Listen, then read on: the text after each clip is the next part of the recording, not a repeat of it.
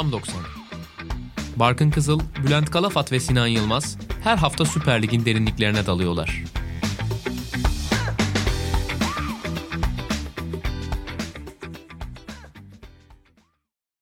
Sokrates Podcast'te tam 90'ın 8. bölümüne hoş geldiniz. Süper Lig'de geride bıraktığımız haftanın ardından ben Barkın Kızıl, Bülent Kalafat ve Sinan Yılmaz'la beraber bir kez daha mikrofonlarımızın başındayız. Hoş geldiniz. Hoş bulduk. Merhaba. Bu haftada da yine enteresan sonuçlar var. Büyüklerin Trabzonspor dışında kaybettiği bir hafta oldu ama futbola girmeden önce şöyle bir sorayım. Genel gidişatı nasıl görüyorsunuz? Milyar öncesi genel bir e, soru mu? Valla şu ana kadar bu sezonda en çok Karagümrük'ü izlemekten zevk aldım Konya Spor'la birlikte. O yüzden Karagümrük'ün maçlarını izleyebilmek için Olimpiyat Stadı'na gidiyorum ve Olimpiyat Stadı'na gittiğim bir haftanın ardından yine salı günü kendimi toparlamaya uğraşan bir insan olarak karşınızdayım. Ama değiyor mu dersen değiyor. Yani bir ligde izlenecek bir takım, bir iki takım var. Onlardan bir tanesi Karagümrük. Ben de o yüzden işte iki haftada bir Karagümrük'ü Olimpiyat Stadı'na izlemeye gidiyorum. Onun dışında 12 hafta itibariyle de ilginç bir şey yok. Geçen sezonlardan ne farklı var dersen yok. Herhangi bir fark yok. Bir tek Karagümrük farkı var geçen sezonlardan. Ben de onu ayrıyetten izlemeye çalışıyorum. Ben de bu arada maçı izlerken Sinan kesin oradadır şimdi diye düşündüm. Boş tribünleri gördükten sonra özellikle. Oradaydım. Futbol görüşüne hep çok hani rağbet ettiğim bir Galatasaraylı arkadaşım da Karagümrük Galatasaray maçını izlerken yazışıyoruz şey diyor bana. Bu muymuş ya Karagümrük? Aşırı bayık bir takım. Sürekli kaleciye pas veriyorlar. Bu neymiş ya? Karagümrük Karagümrük diye başımın etini yedin haftalardır. Bu muymuş falan dedi. O pek beğenmemiş. Anladığım kadarıyla ki hani şeyi anlayabiliyorum hani topa bazen sıkıcı olma pahasına sahip olmak isteyebiliyorlar. Onu anlıyorum ama hani yaptıkları şeyin ellerindeki kadro, onların yaşı ve bazılarının da hani çok üst düzey olmaması falan düşünüldüğü zaman pek çok takımın ya bundan bir şey olmaz falan diye bıraktığı futbolcularla. Tabii tabii. Çok en azından ligdeki en organize hücum setlerinin bazılarının Karagümrük'te olduğunu söyleyebiliriz. Özellikle rakip yarı saha geçiş konusunda mesela bir, bir bakış açısına göre çok katı denilebilir. Hı. Gerçekten çok katılar yani ve aslında tahmin edilebilir bir takımlar. O yüzden mesela 10 kere üst üste izlemesi bazı açılardan zor geliyor olabilir ya da maçta aynı şeyi 10 kere üst üste tekrar etmeni izlemek zor geliyor olabilir onu anlıyorum ama hani organizasyon orada bence asıl etkileyici olan. Bence de öyle. Bir de bunu çok cesaretle uygulamaları beni çok etkiliyor. Mesela Biglia'yı Galatasaray maçında stopere çekmeleri falan etkileyici. Ama mesela ben dünya futbolunda pas futbolunu iyi yöneten hocaları sevmekten ziyade mesela Jurgen Klopp'u tercih ederim o açıdan. Yani Pep Guardiola'nın takımlarındansa Jurgen Klopp'un o işte Liverpool'un daha bana çekici geliyor. O mesele değil. Süper Lig'de bir adamın çok acayip işler yapması, dört büyüklerden daha çok topa sahip olması ve mesela Galatasaray karşısında yeni bir düzenle çıktı. Hep merkez üçlü kuruyordu. Bu sefer ikili kurdu falan. Evet. Bunlar ilgimi çekiyor açıkçası. Evet bir de hani bizim ligimiz taktiksel olarak çok kıt bir lig olduğu için Farioli gibi hocalar ligde çok büyük bir eksiği gidermeye çalışıyorlar aslında. Yani hani Farioli mesela bazı şeylerin sadece idmanda çalıştıkları gibi yapılmasını istiyor sahada. Yani çok çok somut bir taktiksel disiplin istiyor. Bu özellikle mesela dört büyüklerle bence çok net yani kontrast yaratan bir şey pek çok bakımdan. Ki yani biz hep böyle maçtan işte gidişatları ve sonuçların birbirinden biraz alakasız olduğunu söylüyoruz. Mesela Karagümrük o bakımdan biraz daha dengeli bir takım. İşlerin yolunda gittiğini ve gitmediğini çok net anlayabiliyorsun Karagümrük'te. Mesela Sivas deplasmanlarında işin hiç iyi gitmediğini çok net görüyordun ve maçın hiçbir anında ortak olamıyorlardı. Ya. Sivas çok rahat delerek geliyordu. O maçın ne olacağı çok belliydi falan. Yani Karagümrük maçlarında bir tahmin edilebilirlik var bence. O da biraz taktiksel olarak ne yapmaya çalıştıklarını biliyorsun. Onun cereyan edip etmediğini çok rahat görebiliyorsun sahada. Diğer takımlar hakkında hani bunu pek söyleyemiyoruz. Çok garip şeyler deniyorlar ya da bir şey deneyip denemediklerinden emin olamıyoruz falan. Dört büyüklerle ilgili zaten detaylı olarak geliriz birazdan ama mesela bunun şöyle bir yansıması var abi çok enteresan. Hani siz de belki bakarsınız diye böyle görselleri koymuştum ama mesela Premier Lig'deki takımların gol beklentisi farkı İlk 4 sıradaki takımlar ilk 4 sırada gol beklentisi farkında. Son 4 sıradaki takımlar son 4 sırada mesela. Yani orada çok net bir şey var. Belli, belli açılardan oyunu hani sayısallaştırabiliyorsun ve çok temel olarak baktığın zaman sıralamayla bir şekilde örtüşen bir gol beklentisi farkı var. Bizim lig tamamen çorba abi. yani ilk dörtteki takımların hiçbiri gol beklentisi averajında ilk dörtte değil. Bir tek böyle Rize Spor çok net bir şekilde hani beklendiği yerde en en kötü ve en son falan. Ya Trabzonspor böyle ucundan artıda gol beklentisinde. Hani e, Puan Başakşehir farkında. ligin en iyisi. Bu konuda en iyi en iyi takım Başakşehir gol beklentisi farkında falan ama hani bizde böyle bir dengesizlik oluyor. Biraz Başakşehir'de sahaya da yansıyor bence. en az dribbling yapan takımdı. O dikkatimi çekmişti. Çok belli setler üzerinden yürüyen tecrübeli bir takım Başakşehir. Öbür yanda mesela çok ilgi çekici olan Trabzonspor'un ligin en çok şut çektiren takımı olması. Birinci sıraya gelmişler mi sonunda? öyleydi. Yani dün akşam baktığımda öyleydi. Eyvallah. Bir istatistik problemi yoksa. En çok şut çektiren takım olarak ligde puan farkıyla zirvede olmaları çok acayip. Giresunspor düşme hattının oralarda en az şut çektiren takım. Öyle. Onlar çok çarpıcı. Dediğin doğru. Yani istatistiklerle tezat bir puan durumu sıralaması var ligde. Öyle şu anda. Bir de bu Avrupa dönüşleri işte çok konuşuldu bu hafta gene. Dördüncü kez Galatasaray, Fenerbahçe ve Beşiktaş Avrupa maçlarından sonra ligde maça çıktılar. Ben de şöyle bir bakayım dedim ne yapmışlar falan diye. Beşiktaş çok enteresan. Beşiktaş Avrupa dönüşlerinde 3 tane galibiyet almış. İlk defa bu hafta yenildi. Hı. Trabzonspor'a ve o da yani son son dakika golüyle. Galatasaray'ın iki mağlubiyeti var. Bir tane galibiyet bir de beraberlik aldı. İşte Marsilya sonrası Rize galibiyeti var. Ee, O da çok zorla alınan. Evet Az ve- daha kaybediliyordu penaltıyı çok- Boldrin alsa. Öyle yani Cagney'in son dakikada böyle rugby hücumu yapmasıyla falan oldu.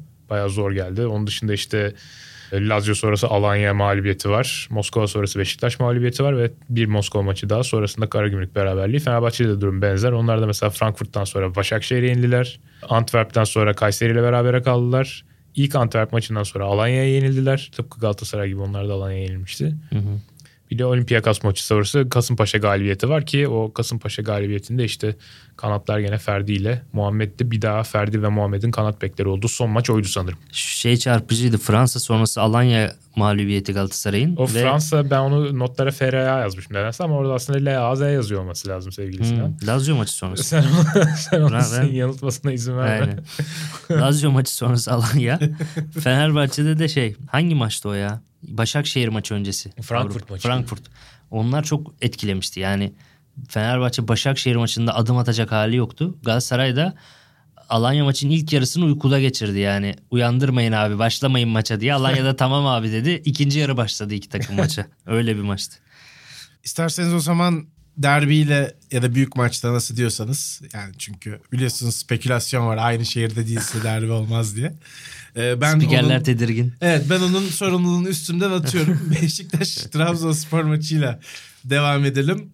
Trabzonspor bu sezon herhangi bir Türk takımına kaybetmedi. En son Roma'ya yenildiler. Ondan beri de ya kazanıyorlar ya berabere kalıyorlar. Beşiktaş karşısında da 45 artı 5 bir gol. Diğer golde 90 artı 9 ama 2-1 kazanmayı başardılar.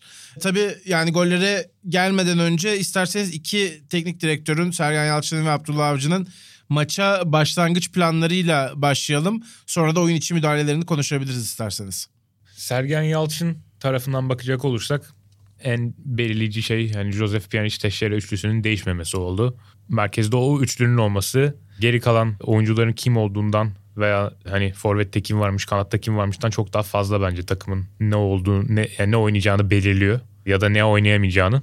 Ki hani bu maçta da bir kere daha Beşiktaş'ın özellikle sağ kanadından bir şey üretmekte çok zorlandığını gördük ki ben Pjanic Gezal bağlantısının bayağı iyi çalıştığını gördüm bu maç. Birbirlerine epey pas attılar. E, Gezzal'ın Pjanic'ten aldığı bir çırpıda aklıma gelen 4-5 tane pas var. Yay üstünde kısa paslar, diagonal paslar, onu işte çizgide yalnız bırakan tam istediği gibi falan aslında. Oradaki Ama pas bir- bağlantısı Trabzon adına geçirgen. Yani hem Envakame oraya girmiyor. Yani Pjanic ile Gezal arasında bir düz çizgi çekin. Siopis Sahada. sonra azaldı zaten. Hamşik genelde o tarafta oluyor. O çok bir pas bağlantısı kesmekle enerji harcamıyor. Envakame de beni bulaştırmayın Aynen diyor. öyle. Orası kolay bir bağlantı. Zaten evet bak Pjanic Gezal bağlantısı var. Ama devamındaki organizasyonda büyük sıkıntı var Beşiktaş'a. Yani mesela şeyi çok görüyoruz abi. Güven sola yaklaşıyor. Umut, Larin, Pjanic de oraya yaklaşıyor mesela veya Teşere çok yaklaşmıyor ama mesela Beşiktaş'ın oradan çok fazla şey yapmaya çalıştığını görüyoruz. Üçüncü bölgede topla buluşmalara bakıyorsun. Mesela Umut bir zirve yapmış gitmiş. Rozier'le Gezzal'ı topluyorsun Umut etmiyor. Çok ilginç bu. Aslında Abdullah Avcı adına Aslında- ciddi bir başarı. ciddi bir başarı mı? Neden diyecek olursan senin az önce söylediğin şeyden ötürü yani ha- özellikle işte Bakasetas kaçta çıktı 30'da mı 35'te mi? Erken yani. Bakasetas çıkana kadar mesela gerçekten Beşiktaş Gezal'ı topla buluşturma konusunda hiç eksiklik yaşamadı ama maçtan sonraki basın toplantısında dedi ki zaten Abdullah Avcı. Yani bunu sıfıra indiremiyorsunuz böyle bir şey yok. Bunu asgaride tutacaksınız ve top oraya geldiği zaman olacakları daha karşılaması kolay hale getireceksiniz. Yani işin daha Türkçesi havadan ortalara sevk etmek istedik onları diyor. Ama yani Beşiktaş bence sevk edilmekten çok daha fazla kendi plansızlığından ötürü onlara başvurdu. Ve Teşeira ile Gezdal'ın, Teşeira, Gezdal, Pjanic üçlüsünün sana hayal ettirdiği bağlantıları Beşiktaş sahada hiçbir şekilde uygulayamıyor. Ve bunların da çok net tezahür ettiği dakikalar var, anlar var. Onlarla ilgili çok daha detaylı bir yazı yazacağım bloguma. Geçmiş haftalara bakarken lig günlüklerinde ama hani bu oyuncuların birbirini artıran performansları olması lazım. Birbirlerini eksiltiyorlar. Özellikle de Teşeira ile Gezdal'ın çok çakıştığını düşünüyorum ben. Çünkü Bunu- Gezdal çok statik bir oyuncu. Teixeira Ee, pardon Teşeira çok statik bir oyuncu. Ben mesela Güven'in geziciliğiyle Teşeira'nın statikliğinin çok ters roller olduğunu düşündüm Trabzonspor maçında. Yani Güven çok fazla dolanıyordu etrafta. Pas açılarını girmeye çıkmaya çalışıyordu. Ama mesela onları yapanın Teşeira içeride işleri bitirmeye çalışanın Güven'in olmasını bekliyordum. Ben tam tersi şeklinde hareketlilikler gördüm. Bu arada Teşeira transferi yapıldığında yaz döneminde Gezal'la çakışma ihtimallerinin çok olduğundan bahsetmiştik. Onun sirayet ettiğini görüyoruz hakikaten. Güvenle ilgili benim dü- düşüncem şu. Bence çok ağır kalıyor ve çok etkisiz kaldı. Ceza sahası bölgesi ve çevresinde. O yüzden de mesela Hüseyin Türkmen aylar sonra falan ilk 11 çıktı herhalde. Goldeki çok büyük hatasına kadar çok iyi maç çıkarmıştı. 1.45'te kestiği bir pozisyon var. Genelde oyun kurmada problemli bir arkadaş olmasına rağmen net ve dikine paslar verebildi. Orada da mesela Beşiktaş'ın hem Güven hem Teşere ile ilgili merkezi kapatmakta ciddi bir problemi var. Hüseyin bile oyun kurucu stopere dönebiliyorsa eğer Doğru. orada senin ciddi bir problemi var. Golde çok büyük bir hata yaptı. Bence Tronsen'den çok daha büyük problemli şeydi. Evet o bir türlü kabul edilmedi bu arada. Ya bayağı silindi süpürüldü. Orada bence de yani hatanın %60'ını falan ben orada Hüseyin'e yazarım. Tabii ki. E, Ben daha fazlasını yazarım. Çünkü şöyle Trondsen topu attığında durdurdum ben. Larin Trondsen'in arkasında ya daha geride. Hüseyin Türkmen'e yaklaşık 5-10 metre çapında bir alana atıyor Trondsen pası. Öyle. Larin oraya 35 metre falan uzak. Yani Hüseyin'in Hüseyin'in onun farkında olmaması kabul edilebilir bir şey değil. Evet. Ya oradan Larry'nin koşu attığını bilmekle mükellefsin abi sen stopersen. Topa niye gitmediğini de anlamıyorum. Yani topu Uğurcan'a bıraktı orada uzun bir süre. Sonra Forvet'in geldiğini, Larin'in geldiğini çok geç fark etti ve iş işten geçmiş oldu. Yani doğru söylüyorsun Hüseyin mesela ben hatta maçtan önceki Cuma ve ertesinde Hüseyin değil bence şey oynar diyordum. Hatta Ahmet. Ahmetcan oynar diyordum. Çünkü Kayseri maçında da hiç fena oynamamıştı ben beğenmiştim. Özellikle dikine oynama konusunda hiç fena gözükmüyordu. Belki iki tane sol ayaklı oyuncu oynatmak istememiş olabilir açıkçası. Çünkü Dansville de solak. Evet. Fakat şunu gördük ki yani Trabzonspor 38 ile 40 arası bir kere Envakame'yi setle bir kere de geçişle çok net bir şekilde ceza sahasında rakipleriyle birebir bıraktı. Ki bu geçtiğimiz sezonki İstanbul'da oynanan maçta da Trabzonspor'da Abdullah Avcı'nın taktiği buydu. Vakayeme'yi bir an önce savunmadan koparmak ve hemen hücuma geçmek. Bunu bu maçta çok fazla uygulayamadı. İlk 30 dakika falan özellikle. Vakayeme çünkü çok derine gelmek zorunda kaldı. Hamsi'nin yapmadığı savunmadan ötürü. Vakayeme de çıkamadı. Ne zaman Siopis oyuna girdi? Vakayeme de kontralara başladı hemen. Yani 38-40'ta gelmesi tesadüf değil aslında Vakayeme'nin iki tane çok net dikine hücumda, hızlı hücumda 18'e girmesi. Abdülkadir beni en fazla şaşırtan ve en fazla sevindiren oyuncu oldu. Bu kez yani sevindiren şuydu maç boyunca sahada olması. Yani belli anlar parlamaması. Abdülkadir belki de Trabzonspor'da maçın başından sonuna kadar en istikrarlı bir şekilde performans gösteren oyunculardan bir tanesi oldu bence. Cervinho'da yokken özellikle herhalde çok kritik bu kadar iyi performans Evet göstermesi. yani buna daha önce değinmiştik yani Abdülkadir Ömür'ün Evet. biraz daha rol alması gerektiğini ben iki tane pozisyona katkı yaptım diye benim işim bitti diye düşünmemesi gerektiğini bu maça da bakacak mesela pek çok insan özetlere. Görecek işte golünü ve ikinci golden önceki ikinci asistini, gol önce asist öncesi pasını falan ama yani bayağı oyunun içindeydi Abdülkadir. Ortada bayağı ikili mücadeleye girdi. Pjanic'i rahatsız ettiği, Larin'i rahatsız ettiği, Teşere'yi rahatsız ettiği çok sayıda pozisyon var. Ben Ee, özellikle siz- Berat'ı oyundan çıkardıktan sonra şey Abdullah Avcı o riski alıp Yusuf'la Serkan'ı oyuna alıp Berat'ı çıkardıktan sonra mesela Abdülkadir'in özellikle savunmayı hep e, hani şu anda ortada biz bir kişi eksiyiz ben oraya mümkün mertebe katkı sağlayayım şeyini gördüm mesela ben maçı tekrar izlediğim zaman hep Siopis'i hatırlamaya çalıştı o da önemliydi bence. Orada bir e, istatistikleri vereyim. Siopis işte bir saat falan oynayabildi. Sonradan oyuna girmiş olmasına rağmen 5 top kazanma ve 3 pas kesme. 2 de bloklaması var. Şut bloklaması var. Orada çok net direnç arttırdı Siopis ve Siopis girdikten sonra Trabzonspor'un çok daha iyi kesip çok daha rahat kontraya çıktığını net görebildik. Yani Bakasetas Siopis değişikliği iyi oldu aslında Trabzon'un. Hayırlı bir hayırlı bir zorunlu değişiklik oldu. Öbür gerçekten. yanda Abdülkadir'in de savunma istatistiklerin gayet iyi olduğunu görüyoruz. 3 top kazanma, 1 pas kesme, 2 de uzaklaştırması var. İlk golde bu arada gol koşusu çok değerli tabii ki. Onu pek yapmadığından bahsediyordum ben hep. O yüzden eleştiriyordum. Nihayet yaptığını görmem beni çok sevindirdi. O gol koşularını yapması çok değerli. İkinci golde de Hamşik'ten topu alıp hemen Cornelius'a aktarıyor. Asist öncesi pası vermiş oluyor. Orada gerçi zikzak çizdiler Envakamelli ama orada da hızlıca topu ayağında gevelemeden ki böyle driblingleri ve yeteneği yüksek olan oyuncular topu gevelemeyi çok seviyor. Hele Evet. yaşları gençken. Doğru. Orada hiç gevelemeden hemen Cornelius'a atması çok iyi. Abdülkadir'e atan adam da Hamşik. O da onu da tekrar izleyince fark ettim. Acayip riskli bir pas aslında. Tam ceza yayından korner dönüşü önünde bloklayacak adam duruyor. Onun üzerinden aşırtıp Abdülkadir'e pas veriyor. O pas son 10. dakikada 3. kez denenmiş oluyor bu arada o an itibariyle. Beşiktaş orada çok korkunç bir rutine giriyor abi. Sürekli aynı şey oluyor. Sürekli Trabzonspor kendi ceza yayın yüzünden dikine pasla çıkıyor ve hepsinde Josef basıyor ve yetersiz kalıyor. Evet, tek bu Beşiktaş için yani gelecek adına çok korku verici bir sekans yaşandı orada. Yani ve Hamşik- üçüncüsünde gol geldi. Hamşik yani hem ilk goldeki pası olağanüstü hem o ikinci golde tekrar izlerseniz dikkat ederseniz herkes orada lob pasla çıkması çok acayip bir pas yani. Kendi ceza Evet. yayının üzerinden etkileyici bir pastı. Bir yandan Hamşik'le Pjanic'in maçı gibiydi bunlar. Serie A'da defalarca karşılaşmış iki tane net oyun kurucu. Bu kez Hamşik iki golde de attığı mükemmel paslarla kazanan taraf oldu gibi geliyor bana. Beşiktaş'ın Pjanic bağımlılığının ben çok ön plana çıkan bir maç olduğunu gördüm bunun. Özellikle bir daha izlediğimde. Neredeyse Beşiktaş'ın rakip yani 3. bölgeye etkili girdiği ya da pozisyon çıkardığı ya da işte Umut Uller'in falan ceza sahasına soktuğu pozisyonların neredeyse tamamında ya Pjanic'in bir pasıyla oraya geliyor top ya da Pjanic'in diğer oyunculardan farklı bir karar verip aldığı bir inisiyatifle oyunu genişletmesiyle kanat değiştirmesiyle vesaire geliyor.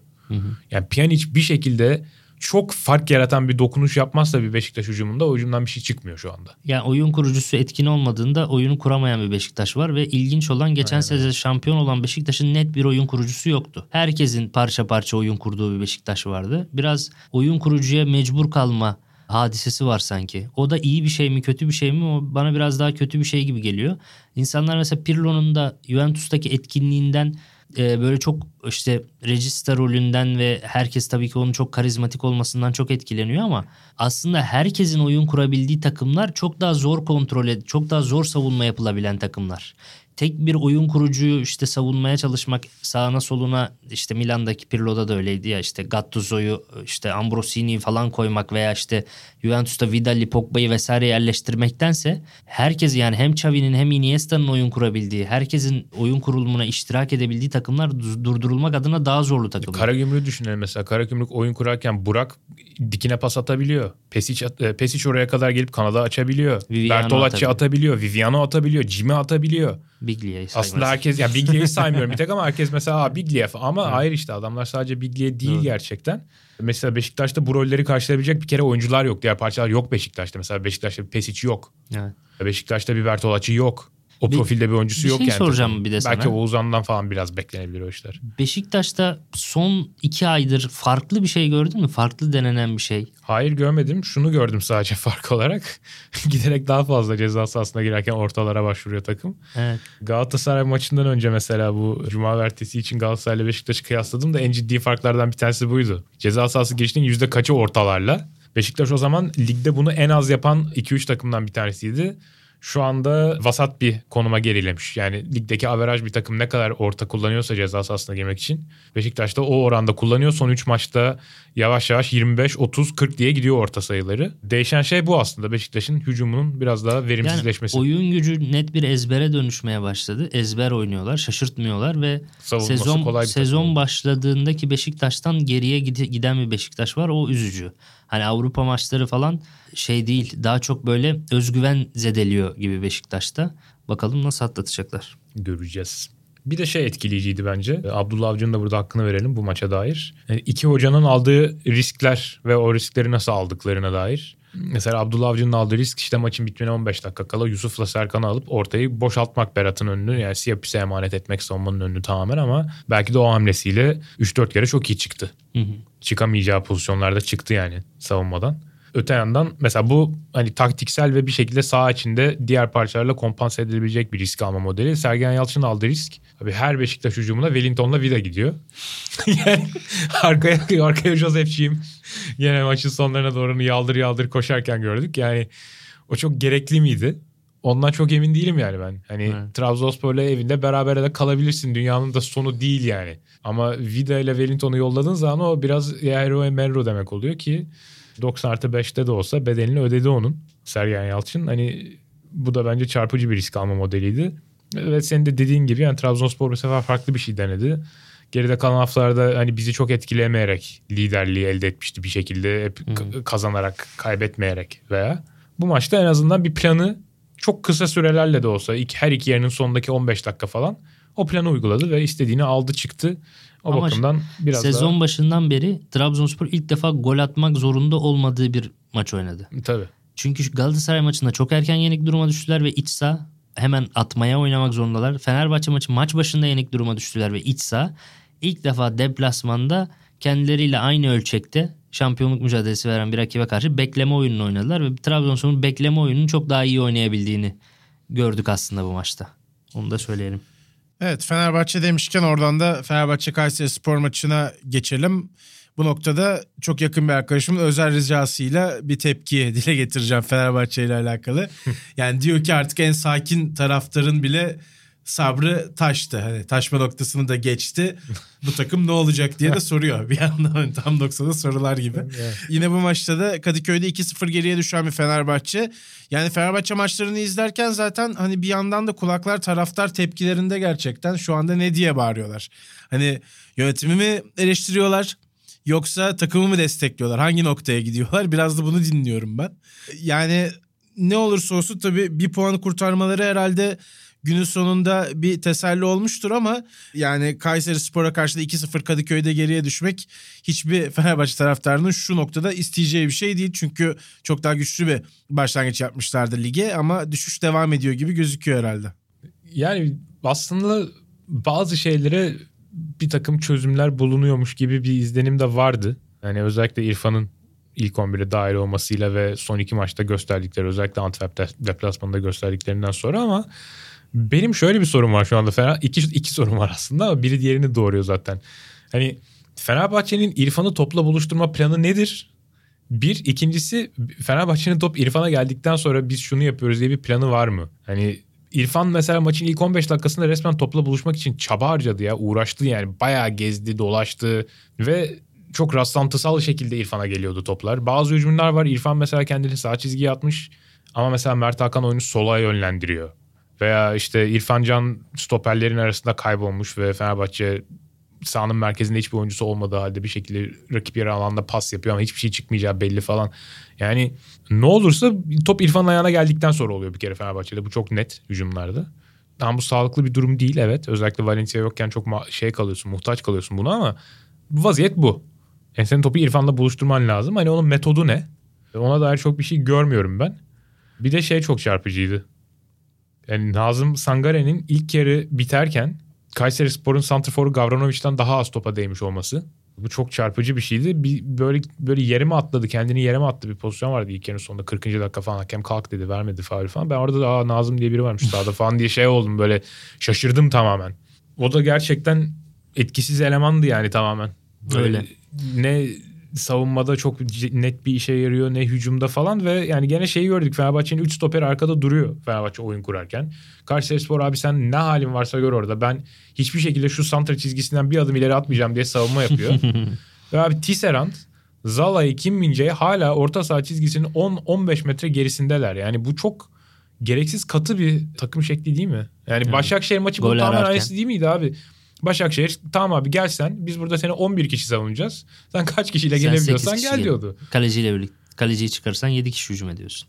3 stoperini sokamıyorsun. Tamamen aynısı oldu gibi Çok geldi bana Kayseri maçında. Zaman zaman oluyor hakikaten. Özellikle gol aradığında üçlü savunmanın anlamsız hale geldiği ya da fazla fazla defansif hale geldiği çok oluyor. Çünkü eksik hücum ediyorsun. Ama çıkar Eğer abi. Çıkar Tisserand, yani götür adamı oraya. Tisserand veya Zalai yani stoperin sağındaki veya solundaki oyuncuyu gönderemiyorsan Ama rakipler de ona göre önlem alabiliyor ki Tisserand'ın koşu alanlarını veya gidebileceği alanları kapatıyor. Evet, Tiam'la sezonun falan. başında onu konuşmuyor muyduk zaten? Tisserand'ın pozisyon bulmak için önemli iş yaptığıyla ilgili. E, Antalya maçında mesela sezonun ilk maçlarında çok etkili hücum bindirmeleri falan gelmişti Tisserand'da ama bu sefer hani rakipler de oraları kapatabiliyor. Mesela kenarlarına Tiam gibi çok hızlı bir adam koyduğun zaman da ekstra stoperi göndermek de çok büyük bir risk haline Doğru gelebiliyor. ama ben orada inisiyatifin her zaman hücum yapan takımda olduğunu düşünüyorum ve mesela Tisserand'ın sağ yarım alandan böyle çıkışları var ya alıyor topu 20. Mesela onlar da onların hepsini izledim mesela dün oturup sezon boyunca yaptıklarını çoğunu oturup izledim. Abi çoğunda Tisserand topla ileri gitmeye başladığı zaman bir organizasyon yok abi. Yani Santrfor Tisserand bu kanattan geliyor. Şimdi ben buraya gideceğim. Kanat içeri girecek. O oraya düşecek falan. Bir şey yok böyle. Tamamen doğaçlama ve Tisserand çok zor paslar denemek zorunda kaldı. Hepsinin sonunda Tisserand böyle final pas. Mesut pasını deniyor mesela Tisserand. Ya Mesut girmiş oyunun son 15 dakikası. Ceza sahasında Tisserand daha fazla top atıyor Mesut'tan ya. Böyle saçma şey olur mu? Yani Tisserand mı kurtaracak Fenerbahçe'yi? Mesut niye girdi o zaman oyuna falan? Yani organizasyon eksiği bence her şeyden daha belirleyici oluyor. Tabii ki 3 stoper sayıca fazla gözüküyor olabilir ama senin onlardan nasıl fayda? Mesela Atalanta'da 3 stoperle oynuyor ama stoperlerinden bir tanesinin stoper olduğunu kimseye inandıramazsın mesela maçı izletirken. Evet. Çok farklı faydalanıyor çünkü ondan. Hani ben biraz daha burada eksik kaldım yani rol dağılımları falan biraz eksik Fenerbahçe'de ve bir takım halinde hareket etme kısırlığı var gibi geliyor bana. Doğrudur. Nazım'la ilgili söylediğine bir ek yapacağım. Nazım geçen haftalardaki kö- kötü performansından dolayı bayağı bir sinmişti zaten. Çok ürkek davranıyordu saha içinde ve hatta sosyal medyada paylaşımlarını falan siliyordu altına çünkü çok kötü eleştiriler geliyordu. Fenerbahçe'nin oyuncusu değilsin defol git buradan vesaire gibi. Şimdi o şekilde sinmiş bir oyuncuyu Antwerp galibiyeti sonrasında iç sahada taraftarın en çok galibiyet beklediği Kayseri maçında direkt 11 sahaya atınca bu adam zaten çok yetenekli bir oyuncu değil. Bir iki top kaybı yapsa hemen omurdanmaları da çağırabilirsin. Hem de oyuncu da kaçak oynuyor yani işte 14 kere topa değmesi abi beni oynatmayın demenin bir sirayet etmesi. Vitor Pereira'nın bir kere burada net bir şeyi var. Nazım da net bir eleştiri. Korka, korkacaksan olmaz yani bu iş. Orada bir etkisizlik yani Nazım üzerinden taraftarın tepkisi kadar mesela şey de aynı yansıma bence. İrfan Can'a penaltı kullandırma hadisesi. Şimdi taraftar istiyor ki İrfan Can atsın, İrfan Can atsın. Berisha'nın daha yüksek bir penaltı isabet şeyi var. Onda 8 mi ne? İrfan'ın 4 penaltısının 2 tanesini kaçırmış daha önce kullandığı. Öyle iyi bir penaltıcı falan değil. Ama taraftar İrfan'ın son haftalardaki yüksek performansından dolayı İrfan kullansın istiyor. Orada mantık tamamen gitmiş artık. Mesih bekliyorlar yani. İrfan gelsin bizi kurtarsın. Şimdi böyle olduğu zaman bir oyuncuya bağlılık olduğu zaman o zaman oyuncuların şeyi de düşüyor. 3 günde bir oynuyorlar zaten. Maç ritmi yok. Sakatlıktan gelmiş. Antwerp maçı %100'ünü vermiş. Konya maçında girmiş işte 40'ta girdi 60 dakika %100'ünü verdi. Bu maçta zaten biraz yoruluyor. Mert Hakan'da da aynısı var. Antwerp maçında bir de Mert Hakan'da şey de var. O genel olarak Mert Hakan'a özel bir problem bu. Enerjisini 90 dakikaya yayma veya sezon geneline yaymakla ilgili büyük bir problem var. Antwerp maçında çok mücadele ettiği, çok verdiği belli. Kayseri maçında koşacak şeyi yok. Güçsüz, çok daha güçsüz bir Mert Hakan var. Ve Vitor Pereira da bu rotasyonu sağlıklı yapamıyor. İşte mesela iki hafta seni İrfan kurtarıyor. Hadi bakalım yine İrfan üzerinden oynayacağız. Halbuki Pelkas'ın da var. Yani başka iyi oyuncuların da var. Ama hep işte bir ara Valencia böyleydi. Valencia hadi bakalım Valencia bizi sırtında taşı. İki, iki hafta öncesine kadar öyleydi bu işler yani gerçekten. Hep bir adam hep bir Messi gelsin bizi kurtarsın. Takım oyunundan uzaklaştıkça bir insanın gelip de onları kurtarmasını bekleyen yani frikik oluyor mesela Mesut atsın. Mesut'un yeri değil mesela sol ayak. Berisha'nın direkten dönen frikiği var ya. Evet. Onu da mesela Mesut atsın. Hani böyle hep Mesih beklentisi. Gelecek bize işte 40 metreden bir tane vuracak. Bizi o güzel günlere götürecek falan. Denizi böyle- yaracak. öyle, öyle şeyler bekleniyor. Ya bak senin söylediğin şeyler aslında bana şöyle bir çağrışım yaptı. Mert Hakan'la ilgili söylediğin şey yani çok yorgundu falan diyorsun ya. Ya şimdi şöyle bir şey oldu Mesut oyuna girdikten sonra 75'te falan. Bir kere önce bir dörtlüye dönüldü. Ondan sonra 15 dakika sonra tekrar üçlüye dönüldü. Böyle çok enteresan bir şey oldu ki ben ikinci değişikliklerle yani 70. dakikada tekrar üçlüye dönüldüğünü maçı sadece ikinci defa izlerken fark edebildim. Maçı izlerken ne oluyor arkadaş falan. Orada bu burada bu, bu aa peki bu nerede falan diyorum hiçbir sistem oturmuyor falan. Orada şöyle bir şey oldu. Savunmanın öndeki üçlü değişmedi yani dörtlüyken de bir daha üçlüye dönüldüğü zaman da Zayt, Pelkas ve Mert'i kullandı orada. Ama bunlardan hiçbirine şey görevi verilmemiş. Yani beyler sekenlerden sonra işte atıyorum Zayt, Pelkas siz ilk topa basmaya gidiyorsunuz. Mert sen stoperlerin önünü koru veya Mert sen beke, bekin koridorunu kapa. Hiçbirine bu rol verilmemiş abi. Habire Kayseri her topla zart diye yardırıyor mesela şeyi. Yani bunlardan bir tanesi gerçekten 3 gün önce Sinan'ın dediği gibi çok şey bir maç çıkarmış. Aşırı yüksek eforlu maç çıkarmış falan. Ve yani bu kadar çok mesela tek tek parçalara odaklanıldığı ortamda bazen bütün şeyden çıkıyor. Yani bütün fokustan çıkıyor. Heh. Bütüne odaklanmayı unutuyor. Hem teknik direktör hem de işi yorumlayan veya gözlemleyen herkes çok fazla işte İrfan mı, Mesut mu işte Pelkas mı falan diye onlara bakarken yani bir bütün olarak Fenerbahçe sahada çok daha yani yanlış şeyler yapıyor. Hem savunmada hem hücumda bence ve hani bu dörtlü üçlü meselesinin her şeyin altında yatan sebep olmadığını anlamamız adına bence iyi bir maç oldu. Hani dörtlüyken de üçlüyken de Fenerbahçe'nin asıl e, hücum e, silahlarını, hücumda iş çözecek oyuncularını istedikleri yerlerde topla buluşturma konusunda zaafı hiçbir zaman değişmedi ve hani kısa vadede de çok hani değişecek gibi durmuyor. Bir de şeye eklemek isterim. Gerçi onu en sonda da ekleyebilirim ama Fenerbahçe Kayseri'yi toparlarken normalde hiç konuşmadığımız şey hakem makem ya. Hı hı. Maçta iki tane faal oldu abi. Ben onların niye çalındığını anlamadım. Çünkü ikisinden de sonra oyun aktı ve top faulün verildiği takımda kalmıştı zaten. Cüneyt Çakır'dı galiba maçın hakemi. Evet. Bir tanesinde bir tanesinde Gavranovic ve Pelkas'a faal yapmıştı. Pelkas'ta kalmıştı top ve gidiyordu. Bu ikinci yarıda. İlk yarıda da Mert'in Emrah'a yaptığı bir faal var. Emrah yere düşmüştü kalkmıştı ve topla gidiyordu mesela. Hmm. İkisinde de Cüneyt Çakır oyunu durdurdu. Ben bunları anlamadım. Güzel. Normalde yani dediğim gibi normalde konuşmuyoruz hakem falan ama bu ikisi o kadar çarpıcıydı ki. Bir de oyunun niye durduğunu anlamadım engelleyen ben engelleyen şeyler olduğu için, engelleyici hakem kararları olduğu için. Yani faali alan oyuncular bile şey yaptılar. Biz devam etmek istiyorduk şeyini. E, jest mimikleriyle çok fazla ifade ettiler yani. O bana bayağı çarpıcı gelmişti valla. Ya maçla ilgili bir iki detay var. Onları kısa kısa geçeyim. Bir tanesi Ferdi'nin yine takımın genelinden ziyade yine mücadelesini vermesiyle alakalı. 68 dakika oynamasına rağmen en yüksek savunma istatistikleri onda. 3 top kapma 5 pas kesmeyle oynamış. Yine en genç oyuncu olmasıyla birlikte elinden geleni yapıyor ve takımın o Mesih beklentisi veya işte çalkantılı durumundan olabildiğince etkilenmeden işini yapmaya gayreti var en azından. Öbür yanda Tiam'ın 6 tane hava topu kazandığını görüyoruz ki geç bir önceki Konya maçında da Çikaleşi 7 tane hava topu kazanmıştı. Fenerbahçe savunmacılarının bu kadar hava topu kaybediyor olması dikkat çeken bir istatistik. Tabi bu şeye çok yansımadı pozisyonlara ama mesela Berke'nin yan toplarında başka bir yönden sirayet etti. Berke'nin eksikliği olarak sirayet etti. İlk kornerde çok büyük bir kaleci yetersizliği söz konusu. Forvetlere çarpıp yere düşüyor. E, bu çok sıkıntılı bir durum bir kaleci için.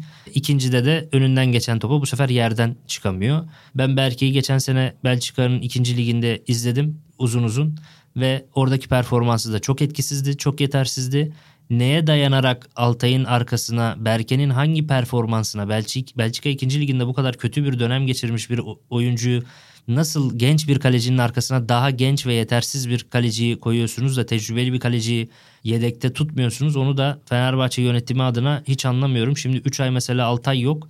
Berke iki tane iyi hazırlık maçı oynadı diye ikinci kaleci mi olacak? Bir önceki çocuğun net bir şekilde oynamaya ve gelişmeye ihtiyacı var. İki senedir Belçika'da oynuyor kalsın orada oynamaya devam etsin. Çünkü ilerlemedi, gelişmedi. Çok eksiği var.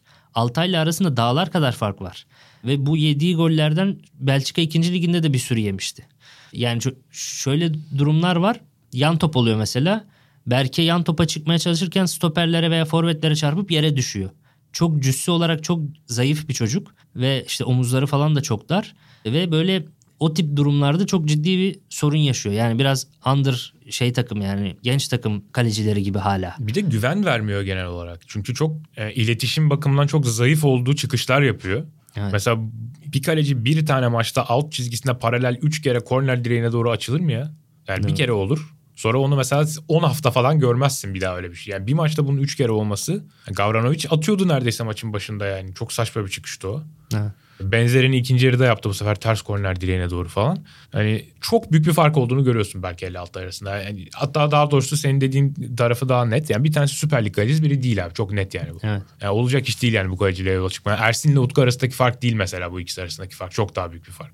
Katılıyorum. O evet biraz çılgınlık olmuş Fenerbahçe adına hakikaten. O zaman Fatih Karagümrük Galatasaray maçıyla devam edelim. Biraz programın girişinde de aslında Fatih Karagümrük'ten bahsetmiştiniz ama şimdi daha da detaylandırabiliriz tabii. Benim futbol anlamında hiçbir şey ifade etmeyen çıkarım. Bülent'e de programdan önce söylemiştim.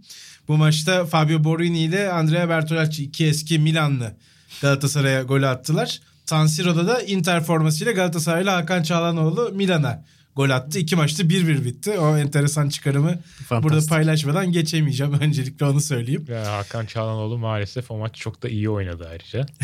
Ee, Milan'ımız karşısında unutmadık. Golden sonra da çok sevinmiş falan böyle hareketler. Sevinmedi değil öyle diyelim. öyle diyelim öyle anlatayım. Tabii bu maçın herhalde öne çıkan noktalarından bir tanesi Big Dia'nın uzun süre stoperde performans göstermesi. Buna rağmen Galatasaray'ın aslında çok fazla buna hamle anlamında bir karşılık vermemesi gibi gözüküyor. Neler okudunuz maçta? Yani Karagümrük şu ana kadar Galatasaray'a uygulanan herhalde en agresif ön alan baskısıyla başladı diyebiliriz. Yani benzer agresiflikte bir Giresun başlamıştı ama sezonun ilk maçı diye falan onlar da bence bir Ama çılgındı. biraz. hızını alamadılar yani. Böyle zıvanadan çıkmış gibi bastılar gerçekten. Ama mesela geçtiğimiz hafta Beşiktaş Galatasaray'a bu kadar agresif basmamıştı. En azından oyun kurarken. Kaptırdığı yerde şok baskı yapıyordu ama yani Muslera'yı marka yönel sonu biraz daha rahat bırakıyordu Beşiktaş. Karagümrük çok agresif başladı bu konuda. Karamoğlu içeri çektiler. Borini de içeri çektiler. Bayağı kapadılar orayı ve yani Galatasaray ilk 10 dakika özellikle kendi böyle birinci bölgesinde 2-3 tane top kaybı yaptı zaten. Ve 15-20 dakika içinde Galatasaray bunu kalesine hiç şut attırmadan bertaraf etmeyi başarıp oyunu dengeledi. İleride çok daha doğru bir şekilde durmaya başladı ve aradan bir 10 dakika falan daha geçtiğinde çıkarken top kaptıran takım Karagümrük olmuştu artık. Yani roller değişmişti. Orada Galatasaray'ın hani bir bilek güreşi gibi ilk yarıda biraz daha baskın çıkmayı başardığını düşünüyorum. Ve hani şeye bakacak olursak e, gol beklentisinde mesela Galatasaray üstte çıkar. Çünkü Karagümrük dediğim gibi sadece bir şut alabildi ama dönem dönem şey yaptıkları da oldu mesela. Çok etkili yere kadar topu getiriyorlar ama şu final pası gelmiyor ya da Ya pes için Markao'dan sıyrılıp Muslera ile karşı karşıya kaldı ama ayağına doladığı pozisyon var. falan. O yüzden hani bir gün onları daha iyi anlamamıza işte yardım yardım edebilecek bir veri geliyor şimdi expected threat diye. Herhalde tehdit beklentisi mi, tehlike beklentisi mi ne diye çevrilecek ve o çeviri de bayağı ağır eleştirilecektir tahminimce. Çünkü şu anda ben de söylerken biraz yani tehdit beklentisi ne abi böyle çok garip bir şey ama özetle topun götürüldüğü noktaların o, o noktalardan o durumlarda gol olma ihtimaline e, şey yapan hesaba Abi, katan bir ilk şey. yarıdaki o pozisyonu düşünürsen Markao'yu geçmiş, bütün savunma hattını geçmiş, kaleciyle karşı karşıya kalmış ve topla buluşmuş bir futbolcu. Evet. Vuruş yapamaması, yapamamış olsa bile orada çok net bir gol pozisyonu olduğu aşikar. Bence o yüzden tehdit beklentisi gol beklentisinden daha benim için çekici geliyor şu an itibariyle. Ama ne kadar uygulanabilir onu bir göreyim ondan Evet, sonra. gelsin, gelsin bakalım değil mi? Ama evet yani tam böyle ilk özellikle ilk yarı o iki metrin arasındaki farkı iyi anlatan bir devre oldu bence. Ama maçın özeti özeti değil de en bence de çarpıcı konusu şeydi. Sinan'a bırakmadan önce benim de üzerinde durmak istediğim detay Biglia detayı. Ee, iki tane pas var abi. Halil'in alamadığı. Onları alsa doğru şekilde atılsa o paslar belki Halil de bu hani bir türlü gol atamıyor falan şeyini kıracaktı. Bir tanesi 37. dakikada Ömer Bayram'ın kestiği bir orta. Ömer Bayram kafayı kaldırıyor. Halil'i görüyor. Zukanovic ile Biglia arasında. Halil kendini Zukanovic'e yaklaştırmış çünkü Biglia'ya doğru koşu atacak. Hı. Bir 5 metre koymak istiyor ki Biglia'ya hani hız farkı olsun, adım farkı. Öne doğru gidecekken Halil Zukanovic'in olduğu tarafa gidiyor Ömer'in ortası mesela. Ve işte 2 dakika sonra falan Kerem Jimmy'den bir top kapıyor orta sahada. E, Böyle Karagümrük'ün Galatasaray merkezini iyi deldiği nadir anlardan biri. Jimmy Santra üzerinden pas veriyor. Kerem pas arası yapıyor. Ayak dışıyla Serdar Güller'in Çikalişi'ye yaptığı asistin aynısını deniyor Halil'e. Hı hı. Ama mesela onu soluyla verse. e, hani e, St. Johnston maçında galiba Cagney yaptığı bir asist vardı soluyla. Evet. Mesela onu soluyla verse, şiddetini verse Halil orada açısını ayarlayıp belki gidip atacak o golü. Ama şiddeti yeterli olmadığı için Biglia'ya takılmıştı mesela o. Ve yani ikinci yarıda da mesela Biglia'nın stoper, stoperi bir daha geçmesinden sonra 70. dakikada falan Benatya oyuna devam edemeyince. Mesela oraya ben çok hemen yüklenmesini bekledim Galatasaray'ın. Fizikli oyuncularını sahaya alıp Cagney'i, gerekirse işte Barış'ı, gerekirse orta sahadaki yorulanlardan bir tanesi çıkarıp Moritson'u alıp Biglia'nın olduğu bölgeye bir yüklenme bekliyordum. O onun için çok geç kaldı bence Galatasaray. Karagümrük'ün Galatasaray karşısında ilk defa yaptığı bir şey var bu sezon yapmadı. Orta üçlüyü ikiliye çevirdi demiştim. Geçen sene seninle Paris Saint Germain Manchester City maçını yorumlamıştık. Şampiyonlar Ligi yarı finali olması lazım. Pep Guardiola 4-4-2 2-10 numarayla yapmıştı. Yani Fernandinho ile şeyin İlkay'ın önünde Kevin De Bruyne ile Silva vardı. Ve sağda Mahrez solda da Foden vardı. 4-4-2-2-10 numarayla oynayan bir City merkezi de 4 oyuncuyla kapatmış oluyor. Bunu birebir uyguladı gibi geldi bana. Pesic'i de Borini'yi de 2-10 numara gibi aslında konumlandırdı. Hani net ikisi de forvetim forvet gibi değil de daha çok böyle e, Jimmy ile Biglia'ya yaklaşmaya çalışan Doğru. oyuncu görünümündeydi. Aynı zamanda Galatasaray oyun kurarken de iki stoperiyle iyi oyun kurabildiği için Borini'yi Nelson'la Pesic'i de Marka ile eşleştirdi. Yedlin'i boş bıraktılar. Yedlin ve Ömer Hatta bazen üzerinden... Karamo'yu da çekti içeri. Evet. O, o derece şeye Evet. odaklandı, stoperlere odaklandı. Aynen. Stoperler ve önündeki Berkan'la falan kurmasını istedi Galatasaray oyunu. Evet. O yüzden orada çok büyük bir kalabalık vardı. Öbür yanda Fatih Terim de bu adamların sürekli merkezden kanatlara doğru oyun kurduğunu ve sürekli mesela Caner ve Hedenstadt üzerinden asla oyun kurmadığını sürekli Viviano, Burak, Biglia ve Jimmy üzerinden tamamen merkezden oyun kurduğunu iyi görmüş. Berkan'ın etrafından Emre Kılınç ve Çıkıldağ'ı asla ayırmadı. Birbirlerine oldukça yakın durmaya çalıştı bu üçlü ve ileri de gitmediler. O yüzden Halil de çok yalnız kaldı. Çünkü merkezden hiç oraya yaklaşan da yok. Çünkü adamlara burayı bırakmayın demiş yani. Okçular tepeyi terk etmeyin şeyi gibi olmuş. o yüzden de çok sıkıcı maçtı. Yani dörtlü ya hem Karagümrük'ün önlem planları çok kuvvetli hem Galatasaray'ın önlem planları çok kuvvetli. Evet. Hücumlar çok zayıf kaldı Tatmin önlem edici, planlarına tatmin göre. edici ama çok zevkli olmayan bir maçtı. Karagümrük Hatay maçı da böyleydi mesela. Böyle Doğru. inanılmaz heyecanlı bir maç olmamıştı. Ama birbirlerini böyle yani yokladıkları yerler falan o güzel onu izlemek güzeldi yani. Mesela Hatay bir maçında Lobyanizze'nin asist yaptı işte Hatay'ın golünü hatırla. Onu uygulamaya çalıştı Galatasaray. Kerem'i o yüzden sağ önde başlattılar. Babel'in oynama nedeni de bu ön alan baskısı az önce bahsettiğin onu kurtaralım. Babel'e uzun vurabilelim. Zaman zaman da vurdu ilk yarıda yaradı, evet. Mecbur kaldı yani. Yakalayacaktı. O kaldığı zamanlar içinde Babel iyi bir şey liman oldu orada. Öyle işe yaradı. Öbür tarafa da Kerem'i attı ki Caner'in arkasından kaçırırım belki diye. Hatay çünkü öyle golü buldu. Caner'in bir anlık önde kalmasıyla, kendini unutmasıyla. Ama Farioli de Caner'i çok net uyarmış. Gitmedi Caner. Öyle. Çıkmadı Zaten diğer 25'te değiştirdi maçlara. kanatları. Babel'i sağa aldı, Kerem'i sola aldı. Baktı işlemiyor Fatih Evet. Terim de. Değiştireyim dedi. Belki Biglia üzerinden o sırada da Biglia stopere geçmişti. Kerem'in hızıyla Biglia'nın oradan delerim diye düşündü. Ama Galatasaray'da da top atıcı yoktu bu sefer. Merkezi kapatmak için Emre Kılınç falan. Yani Feguli falan yoktu. Feguli atardı yoksa. Kılıncı nasıl buldun? Televizyondan çok etkileyici gözükmedi. Hatta Galatasaray'ın kötülerindendi bence. Etkisiz kaldı evet. Yani Yani orada daha önce Morutan'ın belirlediği şey standardına hem hücumda hem savunmada katkı standardına hiç yaklaşamadı bence. evet tedirgin ama Emre Kılınç. Yani merkezde oynadı. İşte PSV maçında da bu top kayıplarını yaptı. Yine yaptı. Biraz böyle kendini göstermek istiyor. Tayland'da Emre Kılınç'ta ve bazı Galatasaraylı yerli oyuncularda net bir tedirginlik var. Formalarını kaptırma ve geri alamamaya dair bir tedirginlik. Çünkü Morussan çok parlak giriş yaptı. Ne bileyim Kerem çok ciddi bir yükseliş yaptı falan. Bu formasını kaybedenler Berkan yine çok Taylan kaybetti Berkan'a. Bunlar çok iyi gidiyor ve kendilerinden daha genç, daha yani Emre ile Kılınç'la Taylan aslında 26-27. İki sene önceki Galatasaray kadrosunun yaşına göre çok Gençlerdi onlar, gençlerdiler.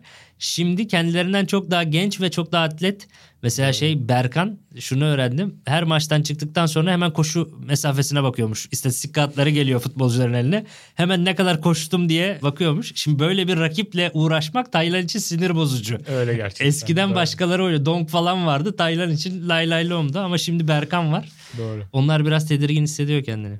O zaman dilerseniz sorularla devam edelim ve önümüzdeki hafta bölümümüzde tabii milli takım arasında olacağız. O yüzden daha fazla sayıda soruyu da sizlerden bekliyoruz. Örneğin bugün mesela çok fazla Anadolu takımlarını konuşmadık. Eğer Anadolu takımlarını destekliyorsanız siz de tam 90 sorular etiketine takımınızla ilgili ya da rakip takımlarla ilgili sorularınızı yönlendirerek bize onları konuşmaya sevk edebilirsiniz diyerek reklamımı yapmış olayım ve Güzel. tam 90 sorularla devamını getirelim. Programın sonunu da getirelim aslına bakarsanız.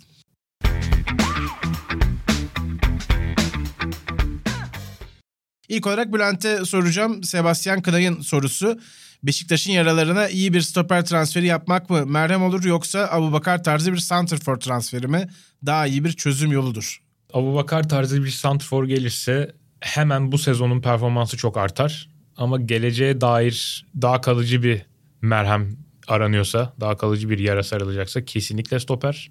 Hatta stoper şu anda belki bir santrfor kadar bu lige de bu sezona da etki edebilir ama Mesela Batshuayi'nin Abubakar'la olan profil farkı şu anda çok Beşiktaş'a sorun oluyor. Çünkü Beşiktaş topu oraya nasıl getireceği konusunda çok e, fikir yoksulu bir takım şu anda. Sadece Pjanic bir şeyler yaparsa oluyor. O yüzden mesela Abubakar tarzı bir bağlantı şu anda Beşiktaş'ın hücumuna direkt level atlatır. Ama yani ben herhalde bunu 3 yıldır falan söylüyorum Türkiye'de. Beşiktaş'ın en iyi stoperi Necip olmamalı. Beşiktaş'ın en iyi stoperi Necip olmamalı diye. Yani Vida, Wellington. Yani Wellington zaten ben Vida hakkında niye yeterince yorum yaptığımı düşünüyorum. Wellington hakkında geride kalan dönemlerde. Vida geçtiğimiz sezon yani Dünya Kupası finali oynamış bir stoperden beklenenleri gösterdi. Ama an itibariyle o da Tekrar eski ee, düşüşüne. e, evet ciddi bir gerileme içinde ve en önemli özelliği olan son saniye hamleleri, son anda yetişmeler, kaymalar, işte bütün takım sabitlenmişken Vida'nın hareket ediyor olması tarzı özelliklerde özellikle alarm veriyor. İşte mesela bu hafta arkasına geçirdiği o pas. tabii, geçen tabii. sezon geçen seneki Vida o pasları geçirmediği için bir Vida'yı övüyorduk işte. O nedenle ben kesinlikle stoperin ağır bastığını düşünüyorum. İlk golde çok ağır kaldı. O çok net yani. Onu kesip kayarak vurması gerekirdi bir şekilde. O zaman Sinan seninle devam edeyim. I'm Welcome to My World isimli dinleyenimiz sormuş. Yunus Akgün'ün uydu forvet evrilişini nasıl buluyorsunuz? Sizce kenar oyuncusu olmak yerine bu rolde devam ederse potansiyelini daha da gösterir mi? gösterir diye düşünüyorum. Çünkü Abdülkadir Ömür de bence çok benzer tarzda bir oyuncu Yunus Akgün'e. Bu oyuncular dar alanda oldukça yetenekli, top kullanımları gayet iyi, topu ayaklarına çok yakıştırıyorlar ama uzun mesafede ciddi bir ağırlık problemi yaşayabilen, tekrar yani böyle mesafe kat etmekte zorlanan oyuncular. O yüzden bunları çizgiye geniş bir alana attığınız zaman çalım attığı oyuncular tekrar önüne çıkabiliyor. Vurup gidemiyor, kopamıyor. Bu tip oyuncuları dar alanda da hemen iş yapabilen, hemen eyleme geçirebilen, aklındaki fikri hemen uygulayabilen adamları merkezde konumlandırmak rakip stoperler için çok daha zor, rakip savunmacılar için çok daha zor bir hale gelebiliyor. Yani Balotelli indirdi, Yunus hemen orada direkt vuruş yapabilir veya kontrol vuruşu çok hızlı yapabilir. Yunus için çok daha iyi, Abdülkadir Ömür için de hep diyoruz merkezde oynasa çok daha etkili olur. Çünkü dar alanda çok çabuk bir oyuncu. Geniş alandaki mesafe kat etme özelliğindense. Mesela Barış Alper Yılmaz tipi kanatları düşün. Onlar dar alana uygun değil, merkeze uygun değil Barış Alper. Çünkü yetenek olarak problemleri var, top kontrolü olarak problemleri var. Atacaksın kenara, vuracak gidecek. Ama Yunus gibi oyuncuların dar alanda daha etkili olabileceğini düşünüyorum. O yüzden bu rolü daha iyi oynayabileceğini düşünüyorum. O zaman sıradaki sorumuz Tam 90 soru etiketinin gediklilerinden, milyardan geliyor. Uzun bir soru ama Bülent burada özellikle sorunun bir kısmını seçmek istedi. Onu soracağım o yüzden. Mesut İrfan'dan formayı kaptı mı? Ee, yani gerçekten böyle bir soru var mı? Ben de önce bunu ele almak istiyorum. bir mesela. forma var mı? Böyle bir forma var mı mesela? Hani İrfan zaten kaç maç oldu? 3 maç oldu bu. İlk 11 oynadı da ikinci maç oldu. Ee, İroni yapmış olabilir bence soruyu sorarken. O Olabilir. kadar hızlı değişiyor ki her şey. olabilir yani. Belki bizim bu soru üzerine bu kadar düşünüyor olmamız bile onun trollüğünün ne kadar başarılı bir trollük Evet. olduğunun ispatı da olabilir ama netice kelam ben buna dair görüşümü hani şöyle özetleyebilirim. İkisi de sağlıklı olduğu sürece İrfan Mesut'un önündedir. An itibariyle bunun tersinin olması için hiçbir sebep yok şu anda. Ee, en azından benim takdir edebileceğim bir sebep yok ama başka sebepler olabilir. Mesut'un oynamasının daha farklı gerekçeleri olabilir ama sahada olan bitenlere baktığın zaman hiçbir şekilde hayır abi Mesut İrfan önünde başlar diyemeyiz. E, O yüzden bence Mesut İrfan'dan formayı kapmadı. Ama İrfan zaten formayı kapmış mıydı ya da o forma nasıl bir formadır falan kim kapabilir o formayı o konuda şeyler açık. Herkes iddiasını belirtmekte açık yani. O zaman son sorumuz da Sinan'a Necati kullanıcı adlı dinleyicimizden geliyor. Konya Spor'un oyununun lig sonundaki yeri sizce ne olur? Zayıf yönleri nelerdir? İlerleyen haftalarda yaşayacakları motive kayıpları nerelerden beklersiniz? Güzel bir soru. Çok güzel. Konya'da oldukça yukarılarda başladı. Çok da iyi futbol oynuyorlar. Bazı oyuncular şu ana kadar ilk 12 haftanın ilk 11'ini çıkarsak Konya'dan 2-3 oyuncu net girer. Sol beke Gilerme girer çünkü ligde sol bek yok. İşte Abdülkerim Bardakçı girer stopere. Hacı Amir Ahmet. Amir girer. Serdar Gürler girebilir. 4 tane direkt ilk 11'e girebilecek oyuncu saydık. Hani Çikalleşi bile zorlar yani ileriyi. Bazı oyuncuların performansı çok yüksek ve tam da eksik bu noktada. O oyuncuların yedeği yok. Yeterli yedeği yok. 15-16 oyuncuyla gidiyorlar. Tam sorunun cevabı bu. Nerede patlayabilir Konyaspor? Mesela Gilerme'nin Gilerme'de alternatifi patlarlar. Alper. Yani Alper onun karşılığı hiç yeterli şeyde değil. Aynı Altay'la Berke arasındaki kalite farkı gibi farklar var. Serdar'da çok fena patlarlar. Evet Serdar Gürler'in alternatifinde net bir şekilde şey. Zaten 14-15 oyuncu var. Bir işte Soner'le e, Oğulcan birbirini iyi yedekliyor. Onun dışında da mesela Amir yokken de net bir altılı numaraları yok ama yine de iyi bir Fenerbahçe maçı çıkardılar. Veya Öyle. Abdülkerim yokken kazandılar bu hafta. Adil oynadı yerine. Adil ile Abdülkerim arasında da çok büyük fark var.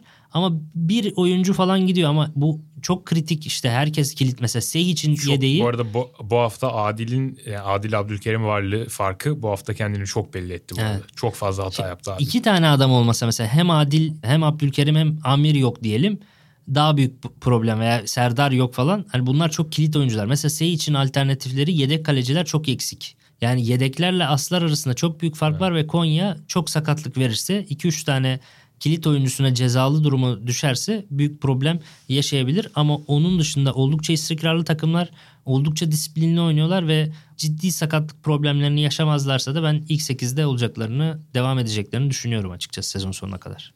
Basın toplantısında ne sordun abi Fatih Terim'e? Çünkü ben üç kere falan dinledim orayı ve anladığımız kadarıyla Mikrofon- şey yokmuş. Mikrofon, Mikrofon yokmuş. yoktu. Olimpiyat stadındasın. Zaten olimpiyat stadı tam evlere şenlik yani basın odasını bulan her hafta basın odası değişiyor bir kere. Altta bir sürü o olimpiyatlar için düzenlendiği için bir sürü oda var. Ama o odalardan kafalarına göre düzenliyorlar herhalde. Odayı ararken Arda Turan'la karşılaştık falan böyle. O başka bir yerden çıkmış. Herkes bir yerleri arıyor yani. O kadar büyük bir yer ki. Mikrofon yok ama gidiyorsun. Sorduğum şu, şuydu. Çıkıldağ'ıyla şey Emre Kılınç niye ters ayaklı olmalarına rağmen farklı iç pozisyonlarında oynuyorlar? Bunu sezon başı da böyle yapıyordu. Berkan sağ iç oynuyordu. Yine Çıkıldağ sol iç. Oyuncuların daha rahat hissetmesiyle ilgili dedi. Çıkıldağ da Romanya'da sol iç pozisyonunda izledim bayağı maçını hatırlıyorum. Milli takımda da biraz sol iç pozisyonda oynuyor sağ ayaklı olmasına rağmen. Herhalde onun isteğiyle ilgilidir diye düşündüm. Onu sormuştum. Bir de merkezlerden skor katkısını çok azaldıklarını, Çıkıldağ'ın geçen sene çok gol atan bir oyuncu olduğunu, Emre Kılıç'ın da skorer bir oyuncu olduğunu ama Halil'in çok yalnız kaldığını, merkezden desteklenemediğini sordum. Evet bunun farkındayız çözmeye çalışacağız dedi ama farkında olduğunu söyledi ama neden olduğuna dair hiçbir şey söyleyemedi hoca. Bence o da henüz henüz nedenini çözmeye çalışıyor. Bir de şeyi sordum. Niye sürekli kayıp düşüyorlar? Üç tane soru sormuşum aslında tek soruda. Ona, o üçüncü sorduğuna zaten bir ara Fatih Terim de delirdi bu arada. Evet. Fark ettin mi maçta? Galiba önünde Yedlin mi düştü? Evet, evet. Yeter kardeşim Hatta- bu ne ya falan diye bir delirdi orada Evet. Fatih Terim. Hatta şey sonra ben araştırdım onu Karagümrük'ten. Çimler uzunmuş bir de. Hem çok ıslatmışlar hem de çimler uzunmuş. Hatta son dakikada pes için kaçırdığı gol pozisyonu yine orada bir kayıp düşüyor. Ömer ya da Yeddin. Direkt maçı sonucunu belli edebilirdi o Doğru. düşme olayı yani. Pesic kaçırmasa o yüzden bir takım galip gelebilirdi hakikaten. Peki böylece biz de Tam 90'ın bu haftalık sonuna geliyoruz. Tekrar hatırlatalım. Önümüzdeki hafta soru cevap ağırlıklı bir bölümümüz olacak. Dolayısıyla mutlaka sorularınızı bekliyoruz ki bu hafta çok da büyük bir ilgi vardı aslında. O yüzden de e, ikişer soru aldık. E, Dolayısıyla o düzeyde lütfen rica edelim tekrar etiketimize sorularınızı yönlendirin diyerek kapatalım. Önümüzdeki hafta tekrar görüşmek üzere. Hoşçakalın.